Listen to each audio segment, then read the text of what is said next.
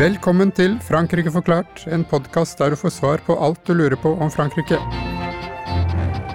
Mitt navn er Geir Uvsløk. Og mitt navn er Frank Urban. I dagens Frankrike forklart skal vi snakke om fotball i Frankrike, nærmere sagt om årets EM i fotball 2021 for menn, som arrangeres av UFA fra 11. juni til 11. juli. Mesterskapet skulle opprinnelig finne sted i juni og juli 2020, men ble utsatt av koronapandemien. Det er 60 år siden det første EM i fotball fant sted. Som en markering vil derfor årets EM arrangeres i elleve forskjellige europeiske byer i elleve land. Som alle husker fremdeles med stor smerte, slo Portugal vertslandet Frankrike 1-0 etter ekstraomganger i 2016. Kan årets mesterskap gjenreise det franske lagets stolthet, som i mellomtiden øh, har jo vunnet VM for andre gang i 2018? Betyr EM og fotball noe mer for franskmenn enn bare et sportslig arrangement? Ukens gjest er Øyvind Steen Jensen. Velk velkommen. Takk. Og Øyvind har utgitt et titalls bøker, stort sett om fotball, men også noen barnebøker. Han har jobbet 40 år som journalist, fire år i Associated Press, 16 år som journalist-redaktør i bladet Fotball, Norges Fotballforbunds blad, og 18 år i Vi Menn. Han har vært korrespondent for France Football i Norge og norsk representant ved utdelingen av Ballon d'Or. Og han har i tillegg nettopp levert en masteroppgave i fransk med tittelen Le prix de la victoire, comment le succès sportif a changé le football français. Øyvind, kanskje vi kan begynne med at du forteller oss litt om din fotballentusiasme. Når oppsto den? Er den hovedsakelig vært fokusert på norsk fotball, eller er det andre land eller andre lag som har fascinert deg? Eh, min fotballinteresse kom, fikk jeg fra min far, eh, som var eh, veldig interessert i fotball. Han var også veldig frankofil. Egentlig så var han litterat og forlegger og, og og litteraturformidler, men han var veldig interessert i idrett. Og noe av det første jeg husker var at uh, da jeg var ung, så satt vi og hørte, eller da jeg var liten, så satt vi og hørte på skøyteløp på radio. Og i 1963 så var det EM på skøyter, og Norge vant tredobbelt.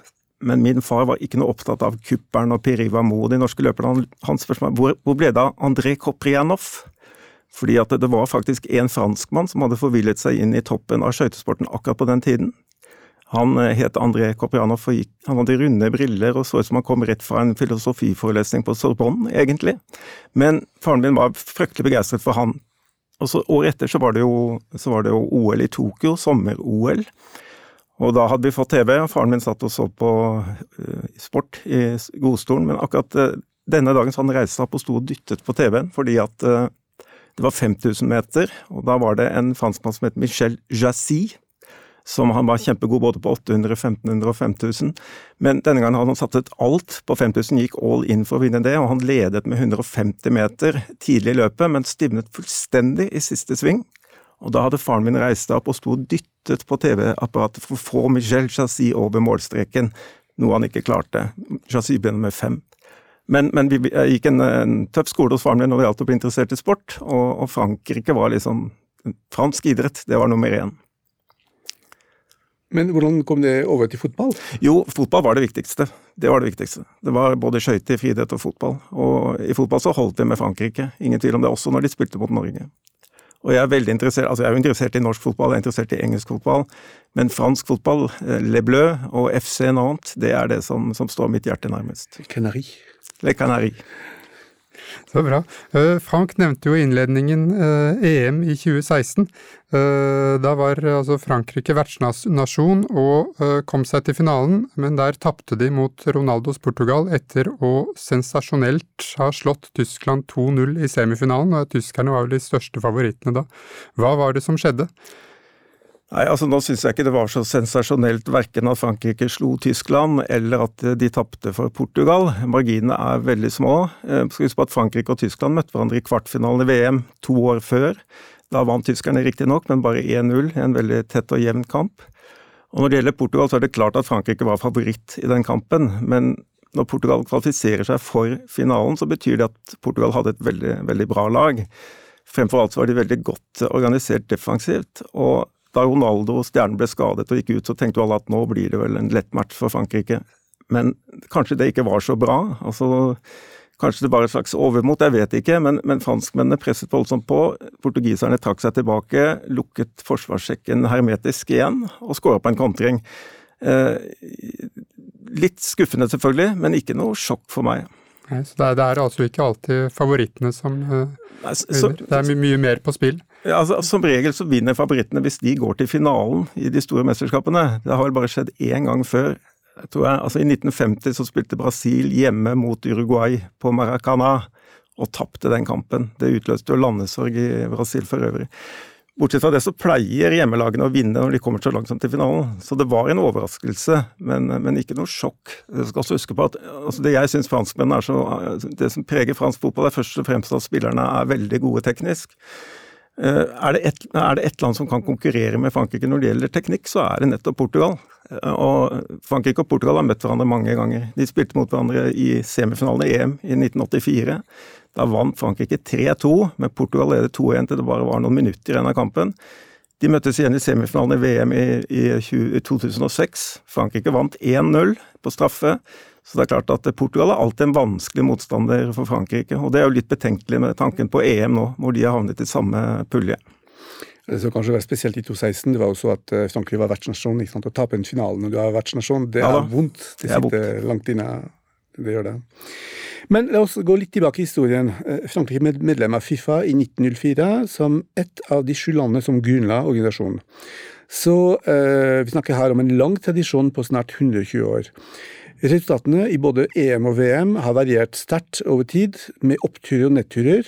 Eh, kanskje av de første gangene Frankrike ble eh, anerkjent eh, som viktig fotballnasjon, var i anledning av VM-fotball i Sverige 1958, hvor landet kom til semifinalen og tapte 5-2 mot Brasil. Da må du rette meg hvis du finner noe som er tidligere enn det. Til gjengjeld slo franskmennene Vest-Tyskland i den lille finalen 6-3. Hva var spesielt med dette laget, og hvilke navn bør vi huske fra 1958. Eh, dette franske laget eh, det hadde jo røtter i klubblaget Stade de Reims, som eh, fikk fram et veldig godt klubblag på 50-tallet, og som var i de to finaler i det som da het Europacupen for seriemestere den gangen. Og en trener som Albert Bateux trente dette Reims-laget. Han trente også det franske landslaget. Så dette var et lag som Forventningene til laget var veldig små, for Frankrike hadde jo aldri oppnådd noe i VM.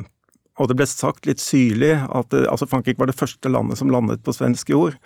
Og litt syrlig i egen presse så ble det at de kommer også til å være det første laget som reiser fra Sverige. Men, men der tok man noe veldig feil. Eh, dette laget De tapte én kamp tidlig mot Jugoslavia. Frankrike tapte nesten alltid mot Jugoslavia. Men så tok de fullstendig av.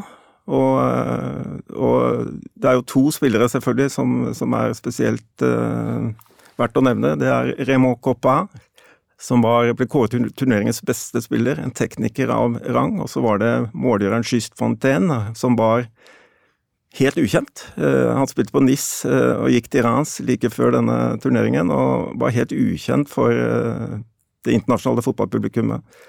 Men han skåret altså 13 mål på seks kamper, og det er fortsatt rekord. En rekord jeg aldri tror kommer til å bli slått. Det man kan si også, Frankrike møtte jo Brasil i semifinalen i dette mesterskapet. Og det som skjedde i den kampen, det var jo at uh, Vava, spissen til Brasil, han uh, kvestet den franske kapteinen Jonquet stygt uh, i første omgang. Sånn at Jonquet han var egentlig Og du kunne ikke sette inn, inn innbyttere den gangen. Det var ikke lov, så Frankrike måtte i praksis spille med ti mann hele den kampen. Man må se det resultatet litt i lys av det, og jeg tror franskmennene aldri har slutta å diskutere hva som kunne ha skjedd dersom Jonquet ikke hadde blitt skadet.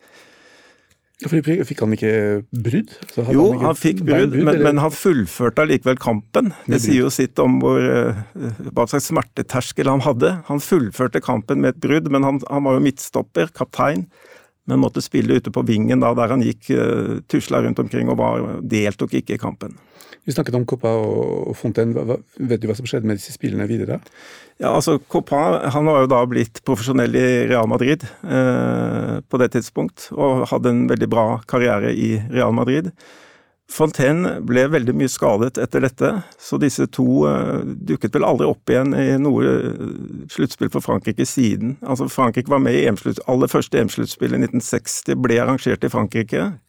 Da var Frankrike med, men uh, rimeligvis. Men jeg mener at verken Copin eller Fontaine spilte der.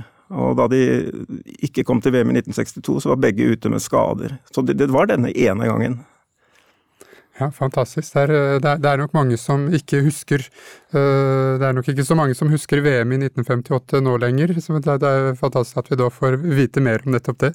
Uh, men det er kanskje en del av lytterne våre som husker landslaget, det franske landslaget fra midten av 1980-tallet. Uh, de tapte mot Vest-Tyskland i semifinalen i VM i 1982. Men så, i 1984, så vant Frankrike både EM og OL, og i 1986 så slo de selveste Argentina med Diego Maradona i en treningskamp, eller en vennskapskamp heter det vel, før VM, før Argentina da vant VM samme år i 1986.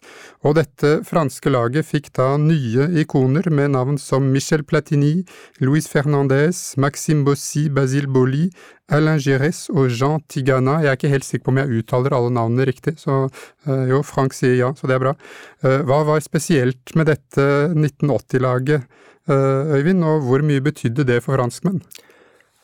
Ja, altså Det spesielle var jo at de innledet den første, eller det, store bruddet i fransk fotball, vil jeg si. For Frankrike var jo til tross for denne fremgangen i 1958, så var jo Frankrike i 100 år, fra 1880 til 1980 omtrent, en ganske middelmådig fotballnasjon. Egentlig svakere enn det man skulle tro.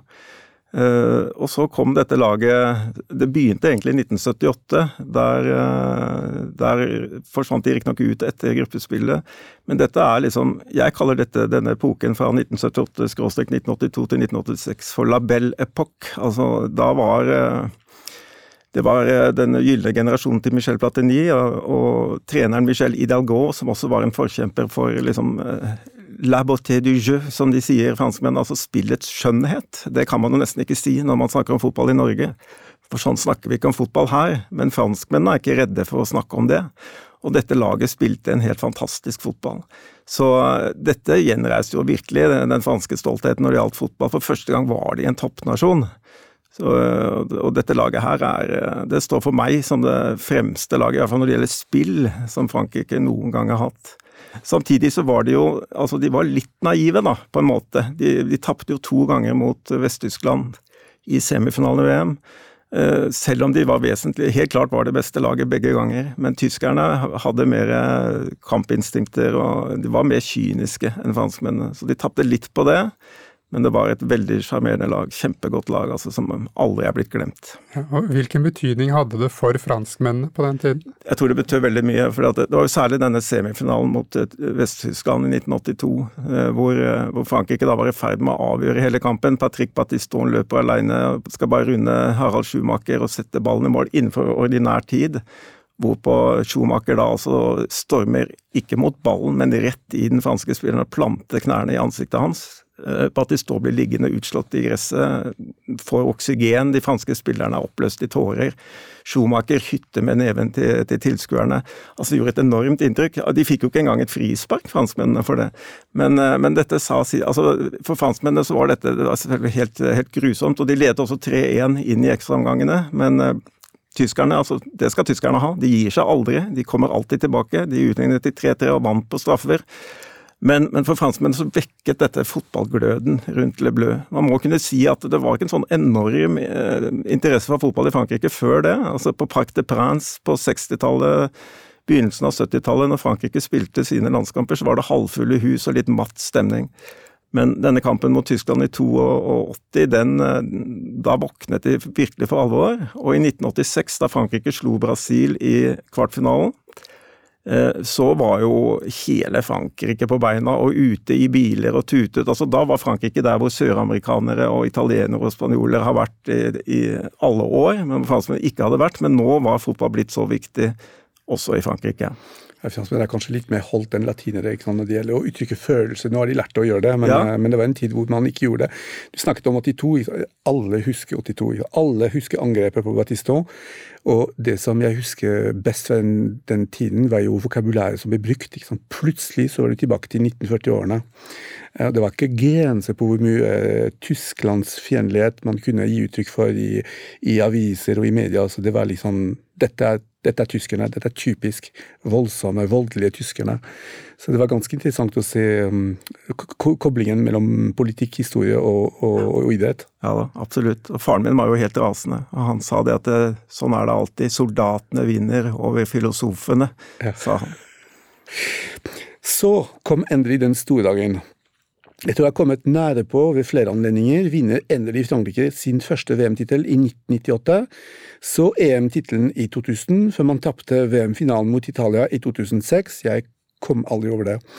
Der igjen med et lag med store ikoner som Laurent Blanc, Lilian Thuram, Marcel Desailly, Fabien Barthez og Zinedine Zidane.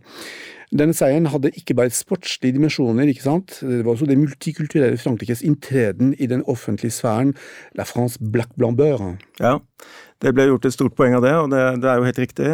Men det var for så vidt ikke noe nytt. Altså Hvis vi går tilbake til 1958, så hadde jo Copin han hadde jo sine røtter i Polen. Og Fontaine hadde jo røtter i Algerie. Så Frankrike har eh, alltid vært et eh, flerkulturelt eh, lag. og det I motsetning til veldig mange andre. altså Hvis vi tenker på England, den første fargede spilleren, svarte spilleren i engelsk toppdivisjon het Clyde Best. Det var i 1975. Den første fargede spilleren på det engelske landslaget, Viv Anderson i 1979. I Frankrike så var det jo spillere med, med bakgrunn fra koloniene, innvandrerbakgrunn, som spilte på det franske landslaget, fargede spillere helt tilbake på 30-tallet. Men det ble gjort et stort poeng av det i 1998, det er riktig det. Uh, og man gjorde det altså Det var, det var en sånn enorm jubel, uh, sånn glede og begeistring. Og dette ble også da tatt til inntekt for at integreringen er, det er vellykket i Frankrike. Her har alle en mulighet. Innvandrerbakgrunn er ikke noe problem, du kan nå toppen allikevel. Det var kanskje litt Altså, i fotball er det sånn. Det er det jo ingen tvil om. At integreringen er så perfekt på alle andre områder, kan selvfølgelig Det er det jo ikke. Men, men, i fotball så er det faktisk det i Frankrike, og det er utrolig positivt. Men du snakket om uh, i hvilken grad uh, landslaget avspeilte på en måte følelsen av et multikulturelt Frankrike. Men dette var jo Føltes det sånn tidligere? Altså, du snakket om 50-årene, men da var det innslag av, men, ja. kanskje ikke en følelse om at, at uh, det var en kobling eller en direkte på en måte sammenheng mellom landet og landslaget? Nei da, det, det, er sikkert riktig. Jeg kan ikke uttale meg så mye om akkurat de følelsene i 58, men, men det, du har sikkert rett i det. det. det. kom mye sterkere i, i, i, 1998. Men det ble jo også et litt tveget, tveget sverd da, da det begynte å gå dårligere. og da de Særlig det, ja, da var vi helt framme til 2010. men men når disse lagene ikke lyktes, så var det jo krefter eh, på ytterste høyre fløy i politikken, Jean-Marie Le Pen, som, som, hevdet at disse spillerne de, de, hadde ikke hjertet sitt i Frankrike, de sang ikke engang Marseillesen. Og de, de, følte at de egentlig tilhørte en annen nasjon. Så da ble det jo plutselig Altså når, når, du vinner og alt går bra, så er vi alle gode venner. Når det ikke går fullt så bra, så, så kom det fram en del grums, da. Det har vel vært også en del fra høyresiden og ekstremhøyresiden i fransk politikk nå nylig som var veldig misfornøyd med at Benzema kom tilbake på landslaget. Ja. Eh, mm. Så det, det, det, er interessant, eh, det, vekslingen med altså den men det, men det, viser jo også da hvilken viktig rolle fotball har i den franske offentligheten. Eh, du, du skriver i masteroppgaven din så skriver du om hvordan den sportslige suksessen har endra fransk fotball. Eh, som det kommer fram av tittelen, og du tar for deg et stort tidsspenn, og du ser både på klubbfotball og på landslaget. Og uh, dette blir kanskje et litt omfattende spørsmål, men kan du prøve å si litt relativt kort? Du, bruker vel nesten 40 sider på det i oppgaven, men kan du si litt kort om hvordan suksessen, eller suksessen, nå husker jeg plutselig ikke hvordan man snakker norsk lenger, hvordan kan suksessen si å ha endret det franske landslaget? Og er det noen spesifikke hendelser du vil trekke fram? Ja, altså, altså, jeg har jo eh, en teori I og med at Frankrike har denne veldig todelte fotballhistorien, hvor de var dårlige i 100 år, har vært gode i 40 år, så er det mange som hevder, f.eks. den norske forfatteren Dag Solstad i sin bejublede VM-bok fra 1982, han hevder at i Frankrike har de jo ikke fotballkultur i det hele tatt. Men altså, jeg mener at det er helt feil. At Frankrike alltid har hatt en veldig sterk fotballkultur, men i tidligere tider så var den litt annerledes enn fotballkulturen i andre land. franskmennene hadde et, veldig sterkt internasjonalt engasjement. Altså Dette handlet om litt mer enn fotball. De så, så fotball idrett i det hele tatt som et middel hvor man kunne få ungdom til å møtes over landegrensene. Knytte kontakter, bli venner. altså At det hadde et sånn forbrødrings- og avspenningsaspekt som, som, de faktisk var veldig, veldig opptatt av. Eh, og du hadde også arven fra Derfor så er det altså Det, det var riktignok engelskmennene som skapte fotballen, men det var franskmenn som skapte den internasjonale fotballen. Altså Fifa, Uefa, VM, EM, Europacupene. Alt dette er franske oppfinnelser. Dette sterke internasjonale engasjementet, kombinert med liksom litt arven fra Pierre de Coubertin, som altså var den olympiske bevegelsens far, og som var veldig opptatt av altså, det er i idrett som i livet for øvrig det viktigste er ikke å vinne, men å kjempe godt, gjøre sitt beste, tøye sine muligheter. Han var også veldig opptatt av fair play.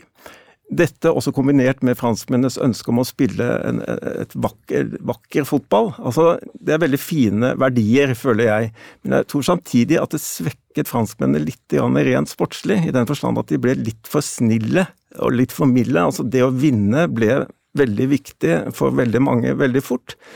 Og, og franskmennene de, de, ble litt for eh, litt for eh, si, litt for snille, rett og slett. Og mitt poeng er at jeg tror nå har fransk fotball blitt mye bedre, og franskmennene vinner, og veldig mye har forandret seg til det bedre, men noe har også blitt borte. Og det er litt av de gode verdiene fra den gangen. De er, ikke, de er blitt mer nasjonalistiske, mer sjåvinistiske. De har ikke denne fair play-ånden under huden som de hadde før. Eh, så, og, og, altså La Beauté du Jeu de spilte faktisk vakrere fotball før enn de kanskje i hvert fall gjorde nå i siste VM. Så det er dette jeg mener at de har tapt noe, og det kan jeg godt komme med mange konkrete eksempler på. hvor eh, altså Zidane er jo én av bare tre spillere i, i historien som er blitt utvist i to fotball-VM. Men det er jo først og fremst det som skjedde i Sør-Afrika i, i, 2010. hvor Først eller først henset jo eh, Thierry Henry eh, Frankrike til sluttspillet. Altså at det var juks som lå i bunnen at Frankrike kvalifiserte seg. I sluttspillet så, eh, så ble Anelka kommer med noe utbrudd mot treneren som man nesten ikke kan gjenta her. Og de franske spillere, Han ble da hjemsendt. De franske spillerne reagerte med å streike og nekte å trene i et VM-sluttspill. Det har vel aldri skjedd, verken før eller siden. Så det, det, var en del sånne ting. Til slutt også den, dette rundt Michel Platini, dessverre, da, som den største personligheten i fransk fotball gjennom alle tider, kanskje. Som liksom er blitt fratatt alle verv pga. en del uheldige episoder. Så det er det jeg tenker på, eh, sier det sånn. Du, du snakker om, om, kultur. altså Veldig mye av den kulturen var basert på amatørfotball. Eh, og så fikk du en profesjonalisering i fotball i løpet av 70-80-årene, 90-årene kanskje, eh, som førte til at eh, få klubber fikk veldig stor pengemakt. Mm. Og da tenker jeg på PSG. ikke sant? Mm. Det, det, er ingen som kan egentlig rivalisere med PSG i Frankrike i dag. Nei. Så hvordan kan du oppbevare, hvordan kan du ivareta den kulturen i en idrett som nå er så dominert av penger? Eh, og jeg sier det, men jeg vet også at Lill vant ligaen i år og ikke PSG. og Det er veldig gledelig, på en måte. Men, eh, men hvor, hvilken, hvilken, rolle spiller penger når man skal ivareta en, en kultur?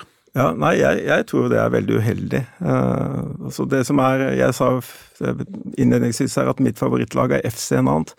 Le Canary, og det er en grunn til det. Altså, Nant sto for det beste av, i fransk fotball, syns jeg, rent eh, på 60- og 70-tallet, ved at de Nantes hadde for det første de, altså de bygde opp sine egne spillere. De hadde ikke mye penger, men de bygde opp sine egne lag via utrolig, et utrolig godt ungdomsarbeid, talentutvikling, og de hadde en fasttømret spillestil. Og alt dette gjennomførte de. I 40 år var Frankrike et av de beste lagene, var Nantes et av de beste lagene i Frankrike med de virkemidlene der. Stort sett bare egne spillere. Henri Michel spilte for Nantes hele karrieren sin, fra 1968 til 1974. 1984. Så, og disse gode verdiene her blir jo borte. Så, så jeg syns at litt av skjermen er blitt borte, at pengene har tatt over. Og hvor ille det kan bli, så man jo nå når de, de skulle prøve å lage en sånn superliga som liksom bare fri, uavhengig av Uefa, hvor de beste lagene skulle ha fribillett og, og alle kunne rykke ned. Sånt er veldig uheldig, tror jeg. Det er også noe som er, blitt, altså har vært en negativ utvikling, eh, som også har rammet den franske fotballen. Kanskje særlig den franske fotballen fordi PSG er så overlegne når det gjelder økonomiske ressurser. Det er ingen som kan konkurrere med dem. Og annet er jo blitt en, en katastrofe etter, etter, hvert som alt dette endret seg. Systemet endret seg hvor du ikke lenger kunne drive din egen talentutvikling, høste fruktene av ditt eget arbeid. Eh, så har jo noe prøvd å henge seg på og, blitt en sånn evig, evig katastrofe, rett og slett. Mm. Um, etter en uh ganske lang nedtur eh, reiser det franske landslaget seg sakte opp igjen for å vinne en ny VM-tittel i 2018. Og mange eh, spillere som var med i 2018, de vil delta i EM i år. Uh, nå er dette, denne episoden er jo tatt opp 10. juni, dvs. Si at det er like før EM uh, starter. og Det vil sendes litt senere, så vi, vet, vi håper på en måte at Sverige kommer seg til finalen og vinner mot Portugal. Men vi vet ikke helt uh, hvordan det blir. Hvordan vurderer du sjansene til det franske landslaget i år? Kan de gjenta suksessen, eller har det skjedd noe som gjør at sjansene for en endelig seier er mindre enn før?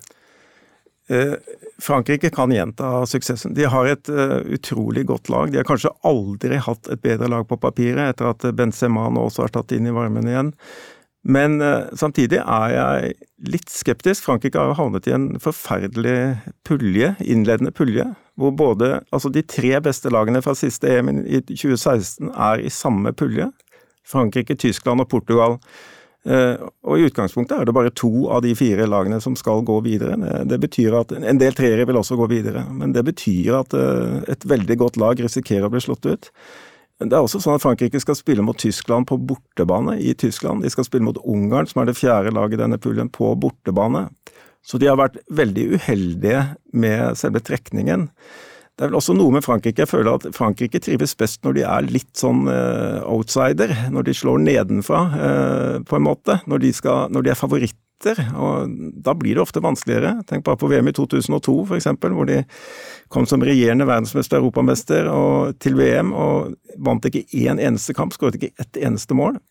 Så jeg håper og tror at Frankrike kan, kan gå langt. Eh, de har alle forutsetninger for å gjøre det, men, men jeg har en viss uro i meg. Ja, da får vi bare krysse fingre og uh, heie på Le Bleu. Uh, på slutten av hver episode så ber vi vår gjest om å komme med en fransk anbefaling. Så hva er din anbefaling til lytterne våre, Øyvind? Nei, altså, Som et fotballinteressert menneske, som det jeg kan av fransk, har jeg lært av å lese fransk fotballitteratur, fransk fotball magasinet og L'Equipe, Dagsavisen, så jeg vil oppfordre folk til å, å lese fransk sportspresse. Jeg syns nivået er skyhøyt.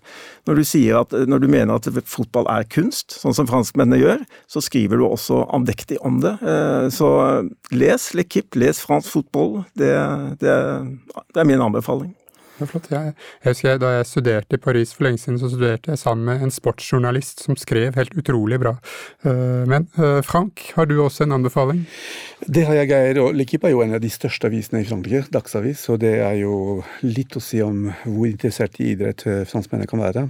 I 1999 skrev direktøren ved det franske instituttet for strategiske studier, Pascal Boniface, en meget interessant bok med tittelen Geopolitikk du football eh, altså fotballens geopolitikk, hvor han viser forholdet mellom fotball som idrett og fotball som redskap for statsbygging eller for å håndtere internasjonale spenninger eller kriser. Han gjør, det, det blant annet ved å analysere flere berømte kamper, som f.eks. VM-kampen mellom USA og Iran i 1998. Det er en morsom og informativ bok. Så skal jeg hilse fra Kjerstin, som anbefaler den nye sangen til det franske landslaget i fotball, 'Écris mon nom en bleu' av rapperen eh, Youssoufa. Jeg har ikke hørt sangen. Har du hørt sangen? Har dere hørt sangen? Geir, vi har så en, eh, en kronikk om dette i forskning.no og Transittmagasin, ikke sant? Jo, det har vi, eh, og eh, for hver episode så skriver vi en kronikk som tar for seg samme tema, men med en litt annen vinkling. Så hvis du har hørt på podkasten og vil ha enda litt mer informasjon om samme tema, så kan du også gjerne lese kronikken vår. Så da gjenstår det bare å takke vår gjest Øyvind Sten Jensen. Dette var vår siste episode i tredje sesong av Frankrike forklart, så nå tar vi en velfortjent sommerpause, og så høres vi igjen i midten av august. God sommer og au revoir! Frankrike forklart er et samarbeid mellom Universitetet i Oslo og Høgskolen i Østfold. Podkasten er støttet av Det norske universitetssenteret i Paris og Institut Francais i Oslo, og har full redaksjonell frihet. Abonner på Frankrike forklart på iTunes, Spotify eller på andre plattformer der du lytter til podkast. Har du kommentarer til oss eller forslag til temaer vi bør ta opp, kan du sende inn det via vår Facebook-side Frankrike forklart. Her vil du også finne referansene som nevnes i dagens episode.